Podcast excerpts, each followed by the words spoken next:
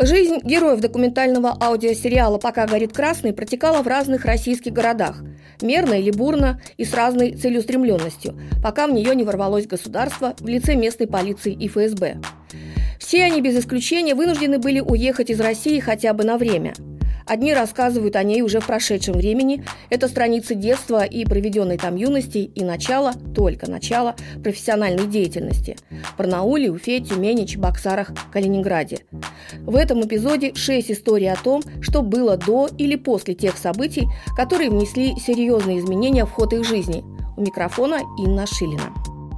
Рассказ Анны Ривиной из Москвы в настоящем времени – она руководитель общественной организации «Насилию нет», которая берет на себя функции государства по защите граждан от домашнего насилия, пока оно, государство, защищает российское общество от нее и таких, как она. Анна проходила свидетелем по болотному делу и дважды сбегала от этого в Израиль. В первом эпизоде она рассказывала, например, как от нее требовали ответа на вопрос, кто спонсирует революцию. Наш российский коллега Максим Поляков из интернет-журнала «7 на 7» говорит с Анной в баре на Патриарших прудах. Потом они находят место потише.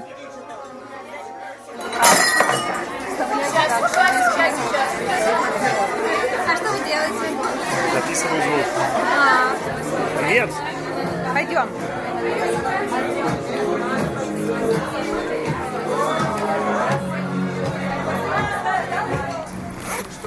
Говорят, бармена может быть кто угодно, это правда? Это абсолютная правда, и мы сегодня пытаемся доказать, что бармены еще могут вести себя так, как от них не ожидают. Как это? А, мы придумали сделать такой такую вечеринку, чтобы люди могли прийти, выпить коктейли, и все деньги э, были переведены нам в центр насилию нет, но мы очень часто слышим о том, что женщины виноваты, что у них короткая юбка, что они выпили и тому подобное, поэтому мы решили сегодня так декларативно заявиться в самом коротком, в самом э, оголенном с декольте, и это все говорит только об одном, о том, что женщина может делать все, что угодно. Вы же преподаете? Да, я преподаю семейное право, это правда. Вот. И, и это абсолютно лишний раз доказывает, что здесь нет противоречия.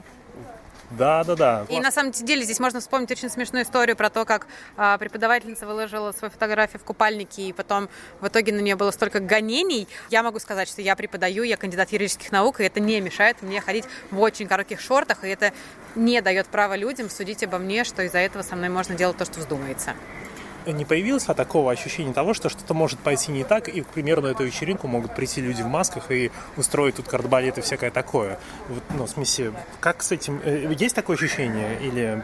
Я могу сказать, что у меня этого ощущения было намного больше, когда я как раз занималась, скажем так, политическим активизмом, ездила на выборы избирателем, баллотировалась в муниципальные депутаты, и у меня опять-таки был обыск и допрос. Это очень мало приятного, когда в 7 утра к тебе заваливается много людей, и там... Но я сегодня занимаюсь той темой, которую я случайно для себя открыла 4 года назад, и я абсолютно искренне верю в то, что я делаю. Если мне на лбу напишут, что я иностранный агент, если ко мне придут люди и скажут, что я делаю что-то плохое, я точно знаю, что я им не поверю.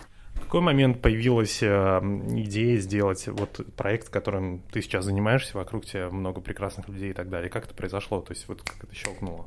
Вот это был как раз мой второй раз в Израиле, когда я полгода сидела на балконе, смотрела на море и писала диссертацию. Я совершенно случайно прочитала статью одной журналистки, которая написала, что ее избил молодой человек, когда они решили расстаться. И я, в общем-то, была в шоке, потому что я первый раз смогла себя поставить на место этой девушки, и там был написан, Анна Живнирович ее зовут, и там она описала, как не работала ни полицейская система, ни судебная, как потом этого человека признали виновным, но амнистировали в честь годовщины победы в Великой Отечественной войне, то есть абсолютный сюр. И я поняла, что я вообще никогда в жизни не слышала о том, что эта проблема домашнего насилия существует, а в том Израиле, как раз где я находилась, а, если пойти там в больницу или в какой-нибудь общественный туалет, на нескольких языках написано, куда звонить, обращаться за помощью, и я просто начала как бы смотреть, есть ли информация об этом, и если там э, забить по-русски э, домашнее насилие, тогда не было вообще никаких ни сайтов, ни организаций, ничего. То есть даже для того, чтобы узнать о существующих организациях, нужно было проделать очень-очень долгий путь. И если забить там по-английски domestic violence, очевидно, что миллиард сайтов, Австралия, Англия, Америка, все что угодно. Вот. И я просто поняла, что меня именно возмущает не то, что есть это насилие, а отношение к этому насилию. То есть, опять-таки, если мы там говорим условно про коррупцию, то люди говорят, ну, коррупция это плохо. Если мы говорим там про убийство, люди говорят, ну, это как бы плохо. А если мужчина избил девушку, которая решила с ним расстаться, то общество, условно говорит, сама виновата. Невозможность увидеть более быстрые результаты, невозможность быстрее и нужнее, тем более, когда ты жил за границей, был за границей, ты видишь, как там государственные институции, механизмы работают, все остальное. Нет ощущения у тебя того, что, ну, как бы, это путь, который займет дофигища времени для того, чтобы, ну, от, вот там, не знаю, тема domestic violence перестала быть такой, что там, не знаю, там, какие-то люди выходят на митинги против этого и все остального. Очевидный факт, что когда я начинала этим заниматься, об этой проблеме столько не говорили, так не говорили, столько не помогали и столько не привлекали внимания. Я знаю, что я своим трудом как минимум сделала немало и благодаря мне об этом сказала и Собчак, и Ира Горбачева, и много других людей, и известных, и много мы сделали проектов э, без селебов, которые помогают действительно сотням тысяч человек. Поэтому я как раз понимаю, что я взяла ту тему, которая совсем новая и даже для там тех, кто против коррупции. То есть, например, я пару недель назад была в ролике «Навальный лайф» — это первый раз, потому что до этого Навальный вообще не воспринимал. Ни женскую повестку, ни феминистскую, а сейчас он понял, что как бы уже вроде не получается глаза закрывать. Вот, поэтому, конечно, все меняется, и мне, конечно, очень любопытно, что я в один день могу пойти и на «Дождь», и на Первый канал, и на НТВ, и куда угодно, и очевидно, что сейчас спрос к этой теме просто такой колоссальный, и это пройдет, и, и, и хорошо, что так. Вот, э, я бы сказала, что, конечно же, очень э, грустно, что мы наблюдаем законом против насилия, который никак не принимается. И это все печально. Но в какой-то момент, когда ты каждый день думаешь о Путине очень много, его становится так много в твоей жизни, что единственный вариант выжить это просто перестать о нем думать. И в итоге действительно Путин как дождь, он идет. И это не меняет моего отношения к тому, что я там не одобряю там, то, что происходит с нашим телевидением, судом, с избирательными процессами, но я просто больше не могу о нем думать. Я вот мысль о том, что сейчас можно сесть и посмотреть его пресс-конференцию, она просто она так грустна, эта мысль. Например, мне намного важнее докопаться до всех московских полицейских, чтобы была информация, куда обращаться пострадавшим от насилия. Я считаю, что это явление, безусловно, системное, это не победа маленьких дел. Слушай, а ты сказала, что Питер такой провинциальный город. Почему провинциальный?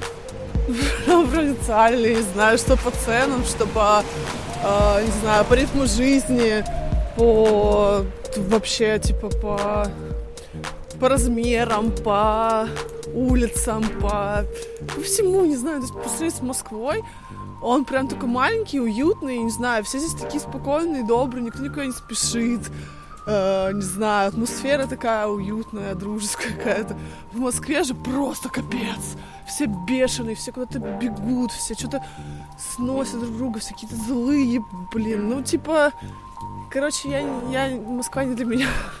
Я слишком мягкий какой-то такой человек, не знаю. Там, мне кажется, ну, ну Москва это для карьеристов, я не карьерист. Мария Матузная, фигурант дела Марии Матузной. Маша разместила в социальных сетях мемы, на которые вы бы просто поставили дизлайк или лайк, но российское государство вменило ей экстремизм. Она бежала из страны сначала в Киев, затем в Вильнюс. Благодаря общественному резонансу статью декриминализировали, а она решила вернуться. Максим беседует с Марией в Петербурге. Тут как бы единственный минус Питера реально только в том, что здесь нет вообще политической жизни. Окей. Вот Мария Матузова живет где-то в Сибири сколько, два года назад, три года назад. Угу. Кто это? Что за человек? На тот момент я учила плотно английский, занималась этим, чтобы сдать экзамены на то, чтобы пойти работать, ну, чтобы получить работу вот э, в Китае. Вот, до этого я работала в банке, просто персональным менеджером, потом по работе с VIP-клиентами, вот. Все, потом уволилась, потому что мне надоело там работать, и решила, что вот я поеду куда-то из России. Что это за город был? Ну, в смысле, то есть э, я так понимаю, что желание уехать, оно, возможно, возникло, ну, в смысле, и из-за России. Ну, да, конечно, как бы я хотела туда уехать не только там то есть я могла переехать, например, в Москву, но как бы изначально хотела вообще уехать из Барнаула. Это город населения там что-то 700 с небольшим тысяч человек. Вот, э, как бы, в принципе, не маленький, это столица Алтайского края, но там все очень плохо, и там в плане зарплаты, в плане там образования, ну, вообще всего, то есть там прям очень далекая глубинка, чем дальше от Москвы, тем вообще, мне кажется, все гораздо хуже и по взглядам людей, по прогрессивности и так далее. Политика где? государства в лице силовиков, которые к вам домой пришли, они как-то неожиданно, возможно, неожиданно появились в жизни в таком uh-huh. объеме, в таком виде, в таком качестве остальное.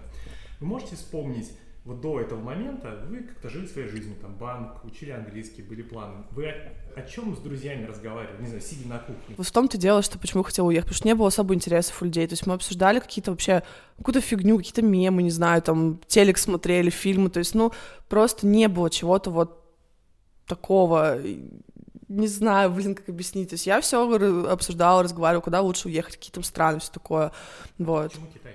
Ну, потому что там просто было получить работу, потому что там есть такой своеобразный культ белых людей, то есть там как бы в принципе, любой желающий, мне кажется, может устроиться, а я не имела тогда каких-то особых навыков, чтобы где-то в Европе получить работу, например. Думала, что после Китая там накоплю денег, не знаю, поеду в Испанию, там мечтала всегда там жить. Вы помните свое первое соприкосновение, серьезное, после которого вам, ну, как бы несколько жизней поменялось с Навальным? Ну, в смысле, не знаю, это ролики Навального, mm-hmm. интервью. Вот первый раз, когда вы поняли, что что-то вот здесь вот отзывается в сердце? Ну, вообще, самый первый раз я о нем узнала еще в 2013 году, мне рассказал друг, вот, мне только 18 лет исполнилось, и он мне рассказал про... Тогда как раз шел процесс по Киров лесу, вот, я даже смотрела трансляцию, но я особо не понимала ничего. То есть я как бы понимала, что он как бы молодец, но там, а Путин не молодец, но я не понимала, в чем суть. Вот, потом как бы у меня началась там студенческая жизнь, я забила на все это. А уже как раз вот когда вышло расследование «Он вам не Димон», это самое известное, я его посмотрела и, ну, прям сильно очень прониклась. Я прям хотела устроиться в штаб в Барнауле координатором или там, не помню уже, кем-то, короче, там уже была занята должность. А, ходила на открытие, вот когда он приезжал, когда зеленка его первый раз облили, это в Барнауле было. И я прям помню, что я спалилась очень сильно, то, что я сказала на работе, что я заболела или что-то такое, короче. А там была трансляция, и получилось так, что его из зала выгнали в сам последний момент, и он на сугробе все рассказывал. А я в силу своего роста выделялась как бы в толпе, и была тоже трансляция на ютубе. Меня коллеги спалили, скинули мне скрин, короче, где-то моя голова торчит, типа, ну, ну понятно, все, болеешь. Ну, как бы ничего, все поняли все. Вот, и с того момента как бы я прям начала активно все это там транслировать на, свои, на свой круг общения, там, да, постоянно все шутили из-за этого, я как дура, наверное, выглядела. Как? Как-то был митинг 12 июня, я на него не смогла пойти, я плохо себя чувствовала. И были там, не знаю, вертолеты летали в небе, все такие, о, Маша Навальный там смотрит, почему ты не пришла на митинг, там, типа, такое. Конечно, ну, как бы по-доброму, но как, знаете, как над Еродивой такое, типа, все как-то. Не потому что там они какие-то плохие, потому что им просто, ну, неинтересно. В Барнауле просто у людей реально интерес, они там думают, как там микрозайм очередной взять зарплаты или там, не знаю, починить стиральную машинку, но точно не о том, как там Короче, людям просто в их картину мира не вписывается политика, просто потому что у них единственный интерес, как выжить. Антон Михальчук, бывший координатор «Открытой России» в Тюмени, номадист и даже абсолютный глобалист, по его словам. О плюсах номадизма он расскажет в следующих эпизодах, а пока из Тбилиси по скайпу о родной Тюмени. Вы могли бы как-то описать это общество, в котором вы выросли? Угу. Вообще я вырос в Сибири.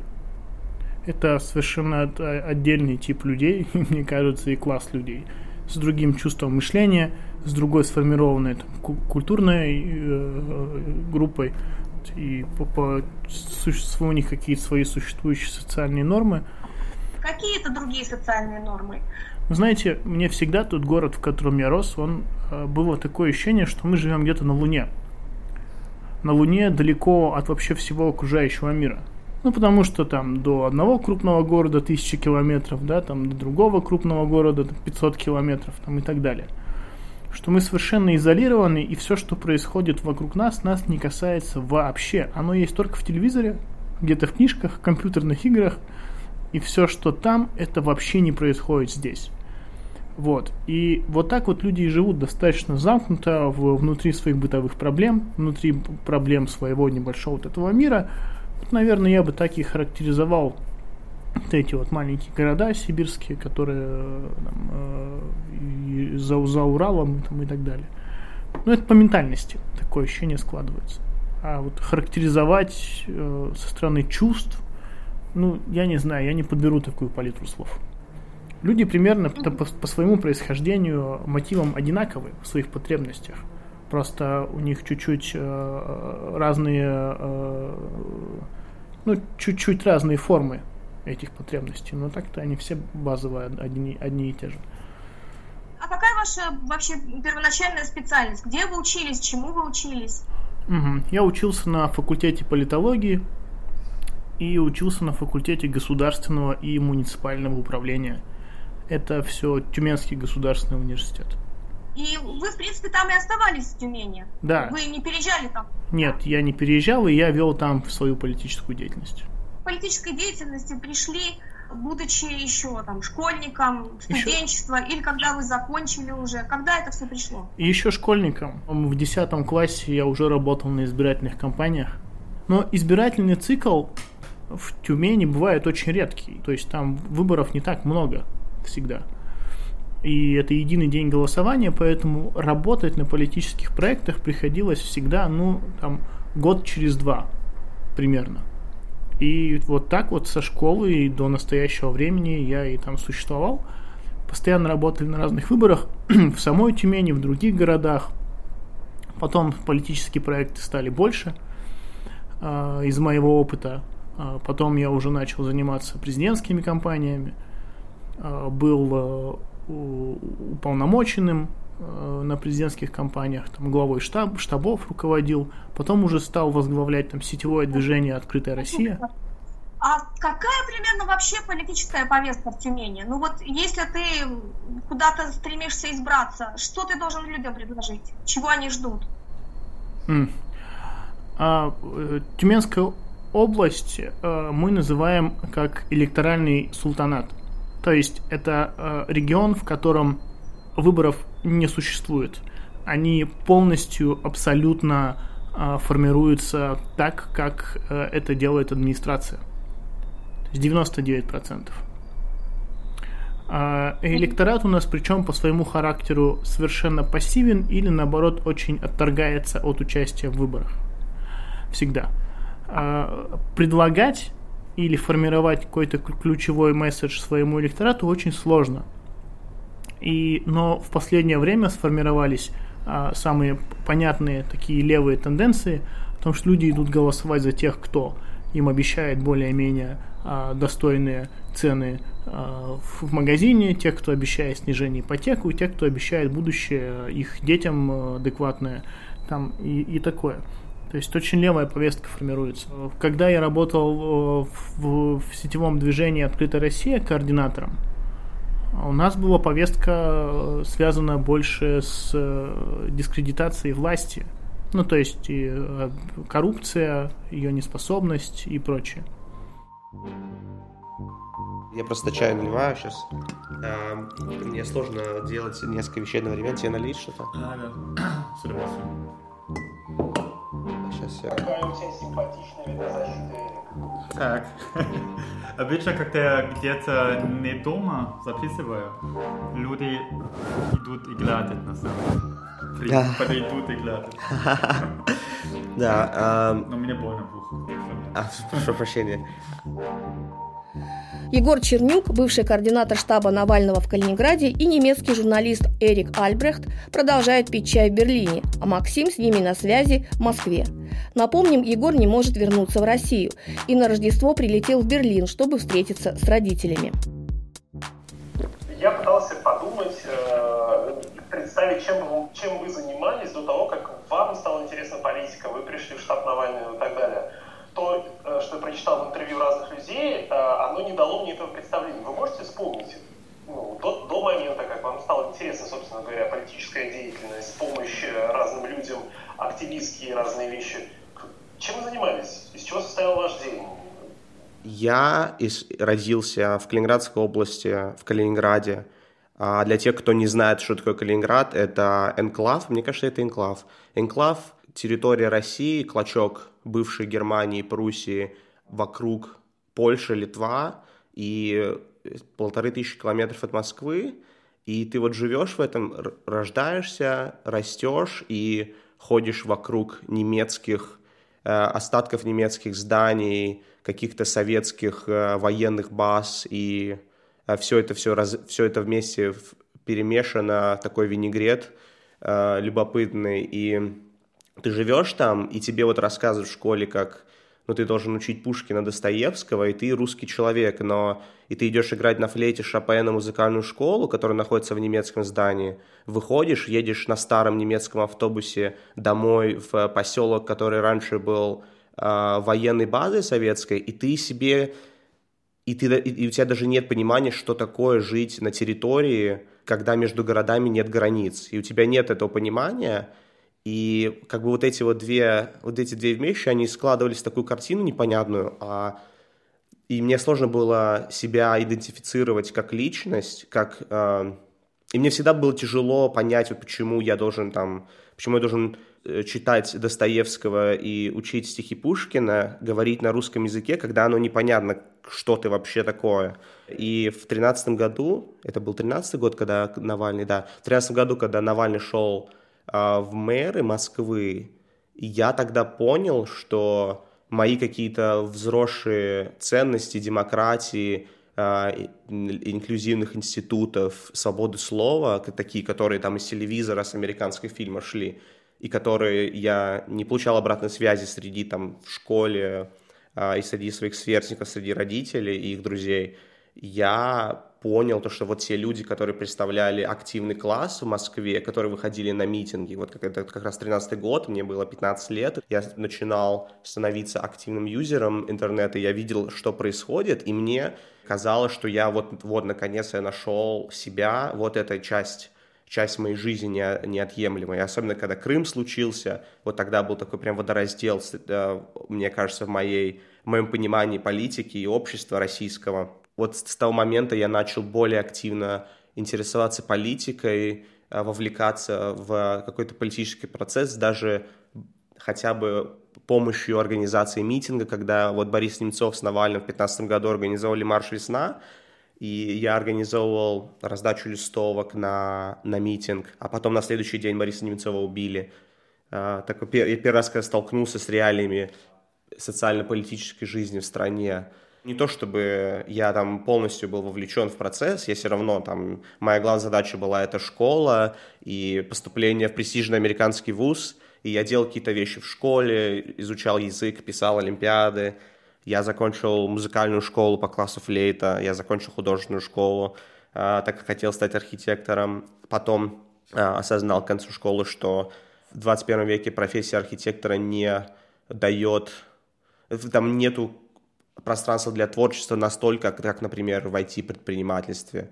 Вот, поэтому я решил отойти от э, таких очевидно творческих э, профессий, как архитектура или, или стать художником, например. Сейчас давайте сделаем немножко шаг назад. Я пытаюсь вспомнить себя в 15 лет, даже поколение, которое было после меня в 15 лет, мы нифига общественно-политическими вещами не интересовались в наши 15 лет. И это было в 99% случаев. Когда я говорю 15 лет, это, наверное, преуменьшение или привлечение. И мне кажется, политика, не то, что даже политикой, вот именно политикой начал заниматься тогда, интересоваться активно, а просто видеть разницу в том, как живут люди здесь и там. Я начал когда мне было лет пять еще, когда ты вот живешь в однокомнатной квартире, у тебя э, бухающая мать, отец работает 24 на 7, э, вы живете с собакой, с ротвейлером, который чуть, ну, тебя чуть не ест каждые сутки, потому что дома никого нет, и ты в этом процессе еще живешь вокруг наркоманов, и ты в такой окружающей среде смотришь по телевизору, по Первому каналу а, «Один дома» и фильмы там о Рождестве, как, как раз а, как совпало по времени – в обычном кино американском, которое очевидным образом э, демонстрирует примерно такой, как средний, среднестатистическая американская семья живет, и ты видишь разницу между своей жизнью и жизнью обычных людей в Америке. И это меня, на меня всегда производило большое впечатление, когда я был именно маленьким ребенком, потому что я жил в таком как бы в осознании нехватки. То есть мне казалось, почему вот я живу в одной, в одной комнате, почему нет своей комнаты. Ну, когда мне лет пять было еще, это если о таких абсолютно таких естественных, таких животных процессах, такое чувство недостатка и, наверное, несправедливости, оно всегда было. Я просто видел, и мне всегда, более того, э, не было понятно, почему другие люди этого не видят. Или люди, которые это видят, они это отрицают, они отрицают свое они отрицают превосходство других людей над ними и продолжают как-то уповать на, на свой быт и, и искать какие-то определенные вещи в этом быту, которые, казалось бы, духовно э, превосходнее тех вещей, которых мне было интересно, например, американская культура, жизнь, какие-то мультфильмы. А, мне просто тоже еще, у меня так построились отношения с родителями, с отцом, а когда они развелись с матерью, я жил всегда с отцом, и он мне сказал сразу, что у меня, я не имею права тебя учить жить, потому что я сам не знаю, как это делать. Поэтому ты живешь для себя, э, решаешь конфликты э, сам за себя, учишься для себя и так далее. И поэтому я просто сейчас сравниваю свое детство с, с детством моих ровесников в России, и у меня многих фильтров, естественных, там, культурных, их не было вообще. То есть я мог смотреть, что хочу, а, независимо, там, это Э, фильмы для взрослых или там какая-то контркультура, оно все, я всегда это впитывал, и это была моей ответственностью выбирать, что э, важно и что правильно или неправильно. То есть у меня не было такого, вот это плохо, это хорошо, мне приходилось самой это изучать, и как-то оно вот вылилось в, в, подобную, в подобное отсутствие э, такой сильной идентичности к чему-то, э, причастности к чему-то чему очевидному, культурному в Калининградской области как минимум. Скажите, вы когда посмотрели первый раз фильм «Он вам не Димон», вы что подумали? У меня всегда больше было и есть восхищение с технологической точки зрения, как это все удается Алексею Навальному и его команде предоставить зрителю такой очень, очень яркой обложке. Собственно, только так можно, наверное, продвигать вот эту, а, вот это делать shift в понимании мира у граждан. Но, то есть для меня это больше было, да, я понимаю, оно так происходит, и оно было какое-то такое профессионального восхищения, нежели эмоционального недоумения по поводу там э, миллиардов э, Дмитрия Медведева. И еще было любопытно сам процесс, как они это нашли, то есть вот такие моменты больше, чем, чем что-либо. Можете рассказать, в какой момент э, вы не, не то, что просто там пришли в штаб Навального, а стали фактически руководителем да, в городе этой структуры, и это же вам совсем было немного лет. То есть как, ну, это же ответственность. Я просто подал заявку. Я, ну, то есть я закончил школу в 16 году, я взял uh, gap year, поступил в некоторые вузы в американские, просто взял gap year, чтобы там сдавать американские экзамены э, и так далее. Вот это как раз был момент, когда Алексей Навальный объявил, что будет выдвигаться президент, это декабрь был 17 года, и потом вот вышел, нет, не 17 16 потом вышел «Он вам не Димон», и вот когда я как раз-таки в то время, когда «Он вам не Димон» вышел, через несколько дней, когда прежде все университеты прислали отказы или недостаточно денег, я понял, что мне приходится еще один год брать и чем-то заниматься, но еще один год готовиться к экзаменам, это было бы абсолютной мукой. И тут я вижу в, в социальных сетях Калининград э, ищет координатора подумал, посидел, склепал CV, отправил. У меня первое интервью с региональным менеджером, потом второе, потом я, мне говорят, ну все, следующий с Линда Волком. И я такой, ух ты, это что-то далеко заходит слишком, я так не ожидал. И все, и мы поговорили с Волковым, и я очень нервничал, а, очень нервничал, вставлял английские слова, и он тоже потом вставлял английские слова, я понял, что мы на одной волне, мне стало проще. И я спрашиваю, ну что вы думаете? Он говорит, ну ничего, попробуем, как бы, как быстро на, наймем, так и уволим, если ты не справишься. Вот. И на меня какой-то огромный такой, э, ну не то что груз ответственности, но значительно я прям принял это как вызов и все. И дальше они еще думали, потому что, ну как мне было всего 19 лет в тот момент. Окей. Расскажите, а, как в вашей жизни появились силовики?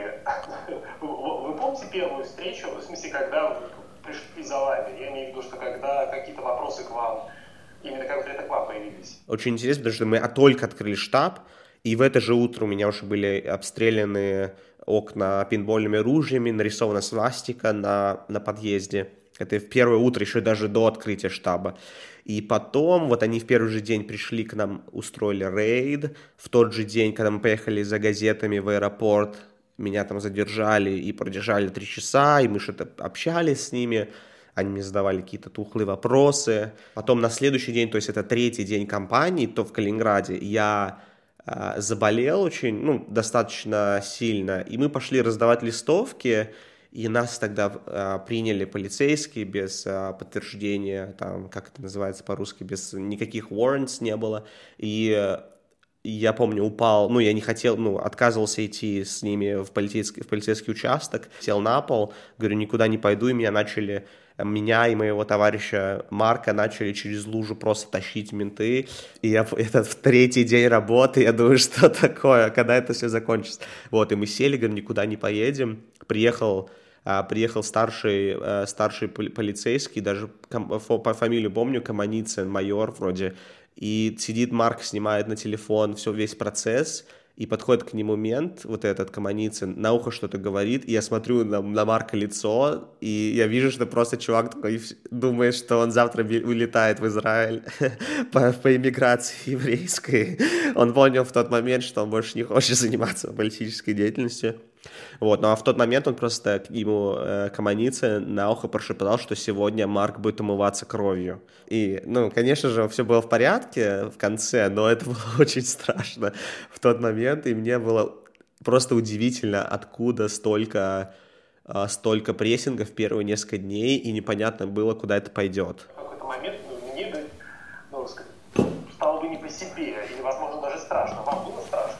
Мне было всегда страшно в момент, когда э, что-то опасное происходило, оно очевидным образом, животным образом страшно, животным образом тебя электризует, и потом оно быстро, так же быстро сходит, там, через несколько дней, и ты не замечаешь, как твой организм становится, как-то приспосабливается, но люди вокруг видят, что ты становишься более нервозным, более каким-то безбашенным и ну, чуть-чуть сумасшедшим в, в процессе. А то есть такая есть очень негативная прогрессия, которую люди видят вокруг. Но ты сам этого не замечаешь, ты просто к этому привыкаешь и идешь дальше. Еще что-то получилось, привыкаешь и идешь дальше. А потом доходит до того момента, когда ты без этого жить не можешь. Когда ты сидишь в штабе, где-то уже это было в октябре, и я помню, мы сидим с Олегом, с моим заместителем, смотрим друг на друга и понимаем, что нам скучно, потому что последний обыск был недели полторы назад. И ты уже начинаешь подлениваться, ты уже начинаешь как-то относиться ко всему как должному. И тут приходит полицейский снова, и тебе вот этот заряд адреналина, и ты бежишь дальше.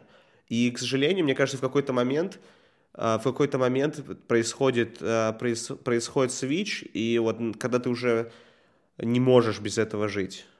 И мне, например, сейчас не просто жить без этого.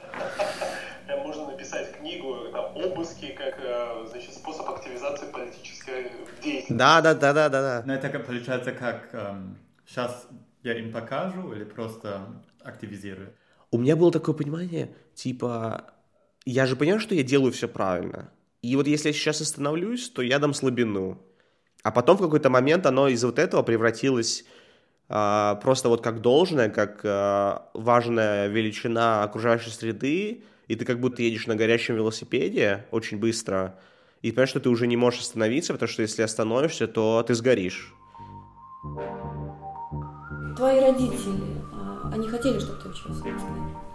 Ну, то есть они, наверное, хотели какого-то успеха, но в то же время у них было чувство, что это там другой город, и как ты там будешь один. А у тебя большая семья? Ну, мама, отец и брат. Младший, старший? Брат старше меня на 15 минут. А, вот. Мы, мы не близнецы, мы двойняшки. двойняшки. Мы внешне вообще не похожи, и характером тоже не похожи. Айдар Губайдулин устраивал свою личную и профессиональную жизнь в Москве. Политикой сильно не увлекался, но на митинги ходил. Так, во время митинга в Москве 27 июля прошлого года бросил в сторону росгвардейца пустую пластиковую бутылку и теперь бросает их в автоматы для депозита тары в Вильнюсе, находясь в международном розыске как фигурант московского дела. Я родился в Уфе, это город в центре России – Республика Башкортостан. Я там жил 17 лет, почти 18, закончил школу. И после школы поступил в ФТИ, переехал в Москву, закончил магистратуру, взял ипотеку сразу после магистратуры. И, ну, и начал жить, просто продолжил работать. Послушай, какое расстояние от, от Уфы до Москвы? Ну, больше тысячи километров 1200-1100. Ого. Как-то так. Это Сколько это нужно ехать? Ну, на поезде это 24-26 часов. Там на первых курсах не было толком денег, поэтому мы ездили на поезде, и да, это было мучительно, потому что долго, потому что, ну, поезда в России не очень современные, мягко говоря. Это на первых курсах, потом начали летать, ну, просто на самолетах уже, там попроще. Ну, там лететь около двух часов. А в Уфе ты не хотел остаться? У вас ведь там есть вуз, по-моему, да? Там несколько университетов, да, э, но там особо нечего ловить. Да, несмотря на то, что это город-миллионник, и вроде бы как-то там люди живут. Да, у нас вот всего 500 тысяч. Да, э, в Вильнюсе 500 тысяч, но там особо нет перспектив. Ну, то есть я бы никогда не смог там получать столько, сколько получал в Москве. Э, Расти особо некуда было. То есть я для себя не видел там никакого будущ- будущего. То есть там не нужны программисты? Там программисты нужны, там наверняка есть какие-то местные студии, но я не думаю, что там возможен какой-то крупный карьерный рост. Там нет таких крупных IT-компаний, как, не знаю, Яндекс, Mail.ru, Сбербанк. Ну, то есть это какие-то частные мелкие студии, которые там 10-20 человек, может, там работает. И в целом твои родители в итоге были довольны тем, как все у тебя сложилось, Ну да. успешно, Да. да, наверное. Вот. И тут вот так все обернулось. И они как-то делились своими ощущениями, чувствами, мыслями по поводу того, как все вот произошло. Да, в принципе, у них мысль, ну, такая идея одна, что тебе не жилось спокойно, то есть у тебя была работа, были друзья, была квартира своя, жил бы, работал, не знаю, нашел бы девушку, построил семью, и жил бы как все люди. И здесь ты, ну, типа, не знаю, поставил на всем крест, теперь ты не можешь вернуться вдали от родины, вдали от нас. Ну, у них такие мысли. Сейчас. Ну а до этого они тебя поддерживали? Хоть как-то? Они, ну ты высказывал какие-то свои соображения о том, как устроена жизнь вокруг, политическая система, как ты ко всему относишься? Ты с ними обсуждал это как-то? Ну, я ходил на митинги, начиная с 17 года, старался не пропускать такие крупные события. Пару раз, наверное, я сказал, что хожу, но когда особой поддержки не нашел, потому что, ну, это был страх, там, вдруг тебя повяжут, там, вдруг посадят. А, Поэтому я старался не распространяться об этом. Но они за тебя просто боялись э, за твою судьбу, или, но при этом они как-то политически все-таки поддерживали тебя? Они были заодно с тобой? Или они вообще политические оппоненты твои? Они не политические оппоненты, они, конечно, видят, что в стране происходит, но у них, наверное, позиция больше такая, что занимайся своей жизнью, вот, ну, как-то развивайся там карьерно, не знаю, и никуда не лезь. Типа, ты все равно ничего не изменишь, это бесполезно, ты можешь только себе жизнь сломать. Если там что-то случится, даже если там тебя не посадят, ты там будешь на митинге, и там тебя изобьют, не знаю, сломают что-нибудь тебе. не знаю. Бывший координатор «Открытой России» в Чебоксарах Дмитрий Семенов осенью прошлого года получил политическое убежище в Литве. Ему пришлось сменить и фанатскую прописку в секторе «Локомотив Москва» на Жальгерис. Мы уже делились его рассказом о службе в Росгвардии. В этом эпизоде подробнее. Я по национальности абсолютно чуваш, нисколько не русский. У меня оба родители чуваши. У меня нет каких-то, может быть, характерных черт визуальных, но как бы... визуальные? Ну, сейчас, в принципе, уже все настолько перемешано и размыто, что это мало кто, но в каких-то там, э, в какой-нибудь южной Чувашии, в деревнях, как бы, э, ну, это более смуглая кожа, там, какие-то определенные черты лица, ну, вот похожие на татарские, на башкирские, но не сильно похожие, ну, ближе в ту сторону. Но я говорю, в Чувашии это как бы, если в, Чу- в Татарстане, в Башкортостане много таких людей с ярко выраженными национальными чертами лица, то в Чувашии это гораздо меньше. Вот, ну и более того, я как бы даже, в принципе, знаю язык. Говорю, может быть, плохо, но понимать, если буду говорить, я буду понимать все. Вообще получилось так, что я среднюю школу заканчивал даже не в Чебоксарах, а большую часть жизни жил, жил в городе Цивильск, это 30 километров от Чебоксар, маленький 15-тысячный городок.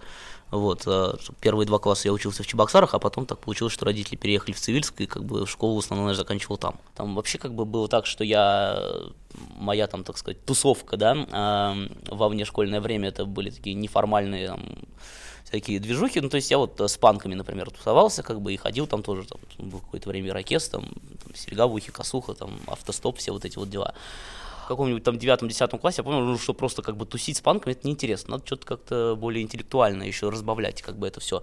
У меня появился тогда интерес э, к национал-большевистской партии Лимонова. И, там, э, и у меня был знакомый, который был старше меня, учился уже там в колледже, э, и, и у него однокурсник был как раз один из лимоновцев. И он говорит, что ой, у меня это лимонки, дома куча газет. И ой, я говорю, давай мне читать.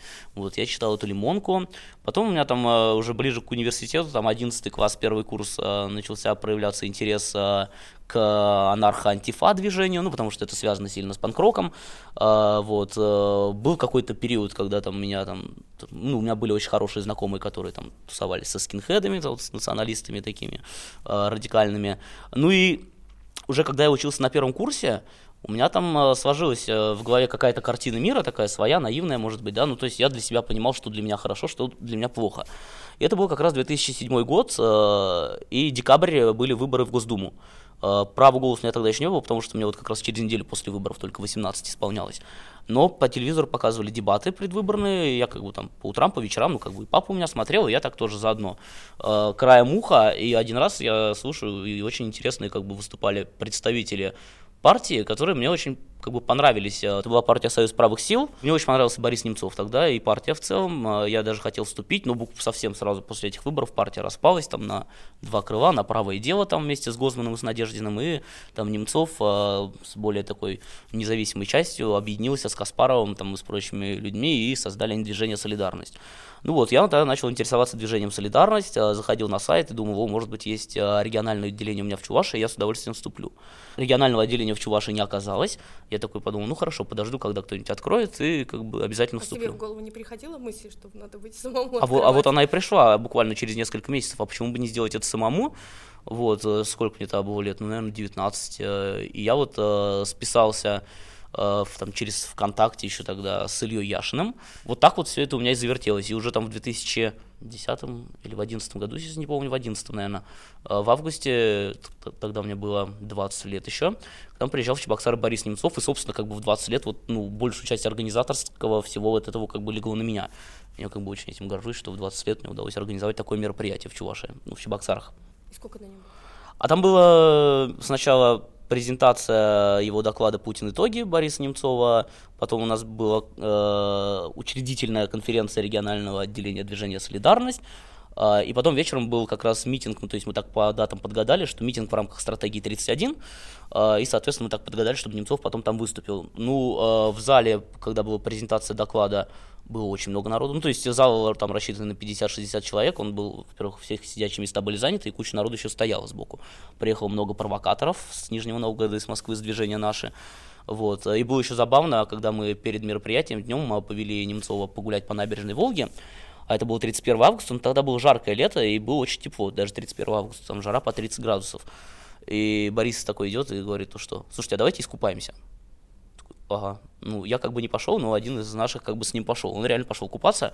И там тоже на пляже были там не так много людей, но были люди там кучками как бы загорающие, отдыхающие. И два мужика его узнали, и подошли к нему поздороваться, и он такой, что у меня там через час сейчас будет презентация, давайте приходите, и они реально пришли. Вот, и пришли потом еще вечером на митинг. Ну, а митинг тоже обычно, если стратегия 31 собирала там, там 30 человек, да, а, то Немцов собрал там 200-250 человек тоже. Площадь такая небольшая, но она была заполнена. А вы захотели отделение солидарности в Чебоксарах, Чува, Чувашии. Для чего? Какие проблемы вы хотели решать? Там... Ну, в тот момент, э, наверное, там это больше было нечто идеологическое, нежели там решение каких-то конкретных практических проблем. А потом что-то поменялось? Ну, а потом со, с возрастом, когда ты взрослеешь, ты уже как-то больше там а, погружаешься во взрослую жизнь, больше сталкиваешься с различной бюрократией, с различным произволом местных властей, ты уже понимаешь, что как бы там твой регион, он один из самых бедных в России. Ну, зарплата до сих пор, кстати, там 28 тысяч рублей. Это... Сейчас скажу, сколько это в евро. А, ну, 400 евро. Ну, это средняя официальная зарплата, то есть не минимальная, а средняя. минимально еще меньше там. И ты видишь как бы несменяемость власти, ты видишь, что честных выборов нету, там, начиная от муниципалитета твоего маленького города, да, там, заканчивая там главой республики, а опять же вот этот вот 2004 год, отмена выборов губернаторов после Беслана, и вот это вот все накапливалось, а посадка Ходорковского, и как-то это, ну, я считал, что это несправедливо, как бы, и, значит, против этого надо бороться. А что вас перестало устраивать в Лимоновцах? Ну, мы перестали с ним общаться после украинских событий, конечно же.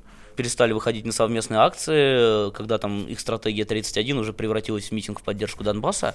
А, но при этом как бы на каком-то личностном уровне а, мы там все равно как бы общались, там, ну, здоровались, я бы не скажу, что мы там друг для друга стали не рукопожатными, но как бы идеологически мы стали абсолютными антиподами. А как вы попали в армию? Я закончил университет, собственно, и мне нужно было идти в армию, так как я знал, что каких-то отсрочек э, по здоровью у меня, судя по всему, нету. Получилось так, что я защитил диплом и сразу же через день уже ушел в армию, еще даже не получив диплом. Так быстро? Да, да, сразу забрали. Конечно же, там были, насколько я понимаю, политические моменты, связанные со мной, потому что на тот момент я уже стал как бы, ну то есть там Центр и ФСБ уже прекрасно меня знали. В Чебоксарах? А, да, да. Даже когда первые мои митинги, когда были, когда я учился там на втором-третьем курсе университета, буквально на третий митинг, по-моему, как я вышел, меня уже сразу позвали на беседу в Центр где там был такой намек, что если ты продолжишь выходить, то как бы учиться ты больше там не будешь. Ну, мне там разные мои знакомые говорили, поскольку у меня маленький городок, 15-тысячный, все друг друга знают, соседи какие-то там есть влиятельные, которые там либо бизнесмены какие-то крупные в городе, там, да, либо как-то связаны там с муниципалитетом. А мне говорили то, что был звонок в военкомат как бы нашего города из ФСБ, что как бы и была там такая установка дана, чтобы э, отправили тебя куда-нибудь подальше служить. И куда вас отправили? А вот э, отправили меня как раз-таки не подальше, хотя изначально то есть как же происходит в армии? Вы приезжаете на призывной пункт да, региона, где там со всех э, городов этого региона съезжаются люди. Можно там, если повезет, в этот же день уехать или на следующий, а можно там ждать неделями, когда, как бы условно говоря, тебя купят. То есть приезжают покупатели, ну, офицеры с различных воинских частей со всей России, изучают как бы все анкеты, потом вот а, набирают команды и увозят уже с собой воинскую часть. И там получилось так, что спрашивают, у кого есть права, у меня права, права были на, том, на тот момент, причем категории БЦ, то есть грузовые машины я водить тоже мог. Вот, и из одной из частей приехали люди, которые как раз набирали вот э, всех, кто есть с правами. Это была часть э, в Кемеровской области, в, в Юрге, вот, ну, в тайге, в общем. Я должен был все, уже ехать туда. Ну, у меня получилось э, совершенно случайно в последний момент соскочить. Приехали в эти же дни еще одни покупатели, как раз-таки из внутренних войск, из Москвы. Вот, и так получилось, что один из э, старших, там был старший лейтенант и прапорщик. А старший лейтенант так получилось, что был родом как раз из Чувашии. И вот буквально в последний момент мне как-то удалось напроситься вот к ним в часть, я понял, что ну, лучше Москва, чем тайга. В чем плюсы э, внутренних войск вообще и Москвы? Ну, у Москвы плюсы в том, понятно, что как бы там редки такие случаи откровенной дедовщины, потому что все-таки Москва, все командование там дивизионное, все оно там, и постоянные проверки.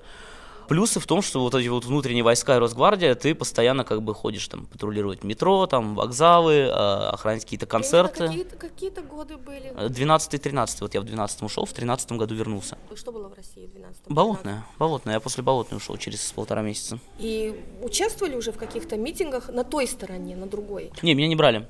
Я так понимаю, это была установка. Меня один раз взяли по ошибке. Там, вот как раз я сейчас к этому приду. Меня как бы в армии частенько переводили из части в часть. Ну, то есть постоянно приходила бумага из ФСБ, что вот перевести в эту часть, перевести в ту часть. Ну и в итоге закончил я в той же части, в которой начинал.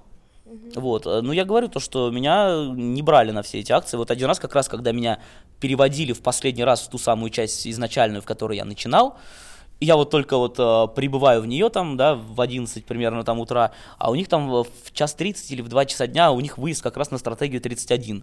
Ну, то есть вот это все построение, и там э, не хватает людей в части, в, в, э, не в части, а вот в роте, в которую меня отправили.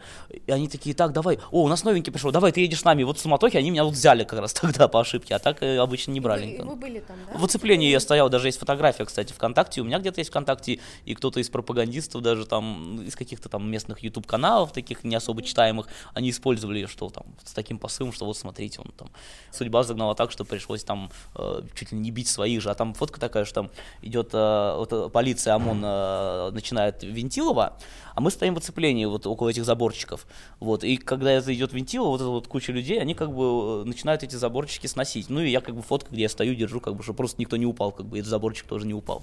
Ну, так удачная фотка получилась. А какие объяснения, почему вас переводили? А я для себя это объясняю только ис- исключительно тем, что это морально просто тяжело постоянно. Ну, то есть э, все равно как бы в армии есть такое, что вот э, вы служите в части, да, проходит полгода, приходит новый призыв. Там по умолчанию все равно даже и командиры роты все равно больше каких-то обязанностей там и функций они дают новому призыву, нежели там тем, кто уже полгода прослужил. Ну и плюс как-то ты там уже с кем-то сдружился, какие-то доверительные отношения. А когда постоянно там в новую часть, то все это надо выстраивать заново. И вот ты прослужил полгода, и ты приходишь в новую часть, и ты приходишь опять как новый. Вот, я думаю, это исключительно было связано с моральными проблемами. Но плюс еще был э, момент такой, что в армии меня, вот когда уже меня перевели в последний раз в ту самую часть, с которой я начинал, там меня начали вызывать на разговор э, с э, сотрудником ФСБ, то есть в каждой воинской части есть прикомандированный сотрудник ФСБ. О чем разговор? Попытка вербовки. То есть они обещали золотые горы, что якобы давай, ты будешь с нами сотрудничать, как бы, да. Наши коллеги из Чебоксар там уже все на тебя досье дали. Вот, когда тебе надо пойти в увольнение из армии, всегда мы тебя будем отпускать по гражданке. Ты вот только ходи там, да. А я как бы был знаком со многими людьми, которые имели отношение к организации вот этих митингов на Болотной. И они копали под конкретных людей. Как раз тогда заворачивалось все это болотное дело. А ты будешь как бы ходить с ними, встречаться и потом докладывать нам, как бы, о чем там шел разговор. Вот. А потом там закончишь там, когда армию, там будешь с нами сотрудничать, там в Москве останешься, ну, короче, золотые горы обещали. Какие ребята вас окружали там в Росгвардии? Процентов 30-40 всех росгвардейских частей, ну, в тот момент, сейчас, я думаю, то же самое, это выходцы из Северного Кавказа, э, Дагестан, Ингушетия, Чечня, которая как бы из Чечни, вообще, в принципе, не брали. И они делали по-хитрому, они прописывались в Дагестане и шли как дагестанцы, хотя этнические чеченцы абсолютно и живут. То есть они хотели сами? Да, и для них, для них это неплохая как бы, возможность потом вернуться и сделать там карьеру, это хороший социальный лифт для них в правоохранительных органах. А почему армии было интересно, то, чтобы служили люди оттуда? У внутренних войск э, это считается одни из самых таких э, низких по статусу вообще в иерархии э, российской армии в структуре. И поэтому туда берут э, Северный Кавказ, остальные во многие части не берут. Туда часто берут людей с судимостями, ну, у которых там была условка там за какую-нибудь кражу или за наркотики. Вот, э, ну, как бы вот поэтому считается, что такой самый сброд понабирали. Ну и как бы э, тех людей, которые там степень здоровья уже там самая такая на грани, как бы годен или не годен. То есть это как вот в советское время были такие строительные Да, войска, типа да? того, да. То есть по статусу, да, то есть э, ВДВ, там элита, спецназ, как бы, да, там военно-воздушные силы, а внутренние войска это, ну, ну, краснопогонники, ну, там, ну, там. Сейчас, наверное, это уже меняется, когда это стало Росгвардией, сейчас туда начали вливать деньги, я думаю, сейчас статус стал повыше. Как вы вообще объясняете их жестокость и вообще и лояльность такую? Это психология, то есть, э, когда вы попадаете в закрытое однополое общество, те же самые тюрьмы, те же самые СИЗО, пытки, и люди становятся ожесточеннее, а тем более, когда вот вы приходите, и вы идете там с такими как бы наивными мыслями, да, что вот я сейчас там приду и там вокруг себя создам такую атмосферу, что все будет хорошо. Между прочим, я, как, как я говорил, в самой первой части нам это удалось создать такую атмосферу. А потом, когда я уже приходил, э, ну, то есть там уже такие устоявшиеся порядки, и ты либо под них как-то подстраиваешься, к ним привыкаешь и понимаешь их, да, ты можешь там активно как бы э, не пропагандировать их, но ты все равно под них подстраиваешься. Условно говоря, я не знаю, были такие примеры, когда э, там есть у кровати, да, э, шкафчик там, где у тебя какие-то личные принадлежности, там зубная паста, зубная щетка, бритвенные какие-то принадлежности. И вот тебе надо идти там э, в на- допустим, на службу там в метро куда-нибудь или там выезд там на футбол, а это всегда сначала там ты готовишь форму, все должно быть там гладко выглажено, там все там как полагается, потом проходит смотр на плацу, где там э, кто-то из офицеров, там из командира самой части либо его замов осматривает как бы весь личный состав, и если есть какие-то замечания, ты идешь исправлять, все должно быть выбрито, как бы, да, там все вот эти вот кантики, там ну и вот, э, и ты вот, э, тебе нужно готовиться, как бы, да, там, начинать бриться, там, и прочее, и ты залезаешь в свой шкафчик, а у тебя там кто-то уже порыскался, и как бы, и твоя там зубная паста, и все твои бритвенные принадлежности украдены. А, что тебе делать? Ты идешь в соседний шкафчик и берешь. Чужие. Да. И вот это вот... э, Это по цепочке. это идет по цепочке. Кто-то абсолютно нечистоплотный человек, который получает, а там же как бы положена зарплата на эти личные принадлежности, ну, опять же, там, в пределах там 10-15 евро. Такая копеечная, ну, которая как бы на месяц тебе хватает купить вот эти вот личные принадлежности а, умывательные. А, и кто-то эту зарплату спускает там не на то, и потом у кого-то своровал, и все, и это идет по цепочке, это никак не поменять. Вот находится кто-то такой один нечистоплотный, и с него как бы, и всем приходится вот под эту систему подстраиваться, потому что ну, у тебя нет выхода. Ну, и я поэтому говорю, что это вот психология, и ты становишься как бы такой, скорее всего. А, Хотя, наве- ну, наверное, там э, многие люди совершенно как бы нормально воспитаны, да, там, вот. Хотя, опять же, если брать Росгвардию, что туда вот берут людей Северного Кавказа, людей с судимостями, может быть, это и какой-то есть внутренний смысл в том, что вот эти люди, наверное... Дистанция больше и уровень агрессии. Да, и да, может быть, и в этом есть, кстати, какой-то хитрый смысл. А еще вот другой механизм, когда эти люди Росгвардии становятся участниками судебными, судебного процесса в качестве пострадавших за скулотую эмаль, Мгм. за сильный удар пластиковой бутылкой, за лю- любое дуновение ветра в их сторону. Это какой здесь механизм работает? Я, ну, во-первых, это люди подневольные. Ну, и хотя, я вот не знаю тоже, я тоже как бы часто размышляю над, э- над этим вопросом. Я не знаю, это какая-то проблема, наверное, что ли, в целом какого-то духовного, без кавычек, воспитания российского общества, мор- морально-нравственного какого-то воспитания. Потому что, ну, вот- я очень часто как бы рефлексирую вот на эти темы, да, и проецирую как бы вот эти вот моменты на себя, да, когда сажают человека, а что было бы, если бы это был я, а что было бы, если бы это был мой сосед, мой друг, а вот они, к сожалению, не рефлексируют. Я думаю, это проблема какая-то какого-то морально-нравственного воспитания. Хотя, опять же, бывают исключительные случаи, да, и вот сейчас в московском деле, когда некоторые отказываются от показаний, отказываются от претензий, там, вплоть до увольнения, что людей после этого увольняют.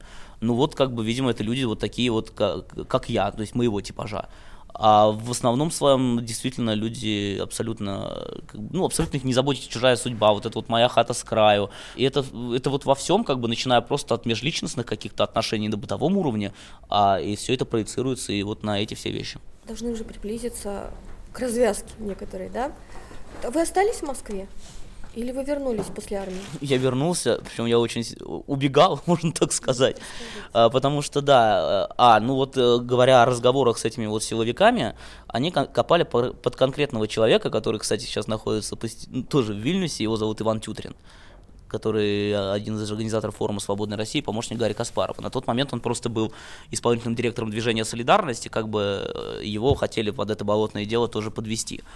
И они копали конкретно под него, и когда я приходил на беседы, мне как бы ребром ставили там офицеры ФСБ вопрос, то что, ну так что, ты будешь с нами сотрудничать или нет?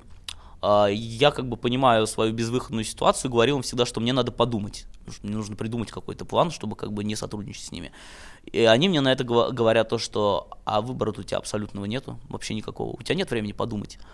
А, Я понимаю, опять же, что ты в закрытом обществе, у тебя нет интернета, ничего, как бы, и ты не можешь сказать, ну, то есть ты можешь сказать нет, да, и ты, в принципе, если ты там а, человек какой-то сильной-сильной закалки, да, как там какие-то советские диссиденты, то, наверное, они бы сказали нет. А Я, к сожалению, там, ну, не настолько, как бы, сильной закалки, я сказа- сказать нет не мог, и я им сказал хорошо. И тогда он сказал то, что хорошо, давай вот прямо сейчас вот садись при мне, заходи в свой аккаунт ВКонтакте и пиши Тютрину, что скажи, типа, вот, типа, у меня будет увольнение, и когда бы могли встретиться, хочешь встретиться якобы. Я написал. Дальше я вышел от него, он такой, ну все, там, я тебя там через 2-3 дня приглашу, там опять зайдешь, там, как бы с компьютера в аккаунт, там, да, может быть, он ответил. Я такой думаю, так, что-то надо делать, что-то надо делать. А, Ну и я, короче, подхожу э, к одному из своих сослуживцев. Я говорю, дай позвонить телефон, потому что мой слушается наверняка. А, Звоню к своему младшему брату домой. А, Я говорю, слушай, а, заходи в скайп мой, такой-то вот пароль, а, найди там Ивана Тютрина и напиши ему, скажи, кто ты, и напиши ему, что ни в коем случае пусть никогда не отвечает на мои сообщения во ВКонтакте, потому что все это читается, ФСБ как бы на него копают. Вот, и я вот его успел предупредить, мы после этого, когда я из армии ушел, как бы об этом с ним рассуждали, ну, разговаривали, вспоминали этот момент, и он, кстати, как бы вскоре после этого как раз-таки с семьей и тоже уехал в Вильнюс, потому что реально под него копали. Ну, и я как бы после этого меня опять эти ФСБшники вызывали к себе в кабинет, и такой захожу, ну, ну, вот не отвечает человек, ну, не знаю, что я могу поделать, ну, не отвечает, не отвечает. Они такие, ну, окей.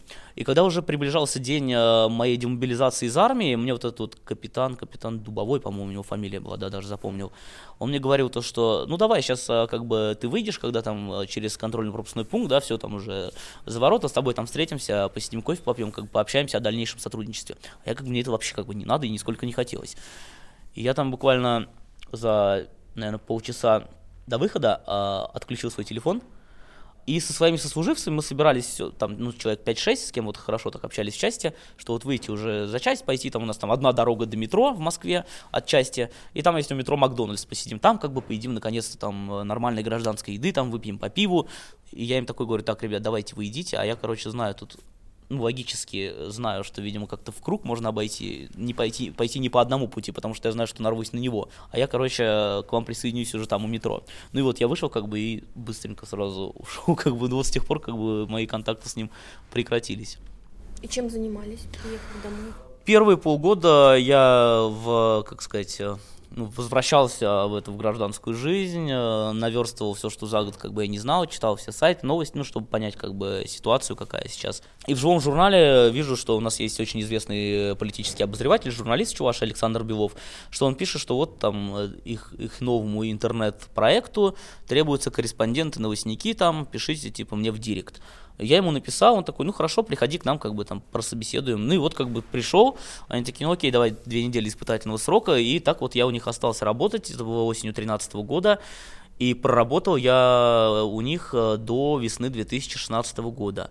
А весной 2016 года я от них ушел, потому что я по конкурсу как раз тогда уже вышел Ходорковский, как несколько лет, и он объявил, что он запускает такой проект, как открытые выборы.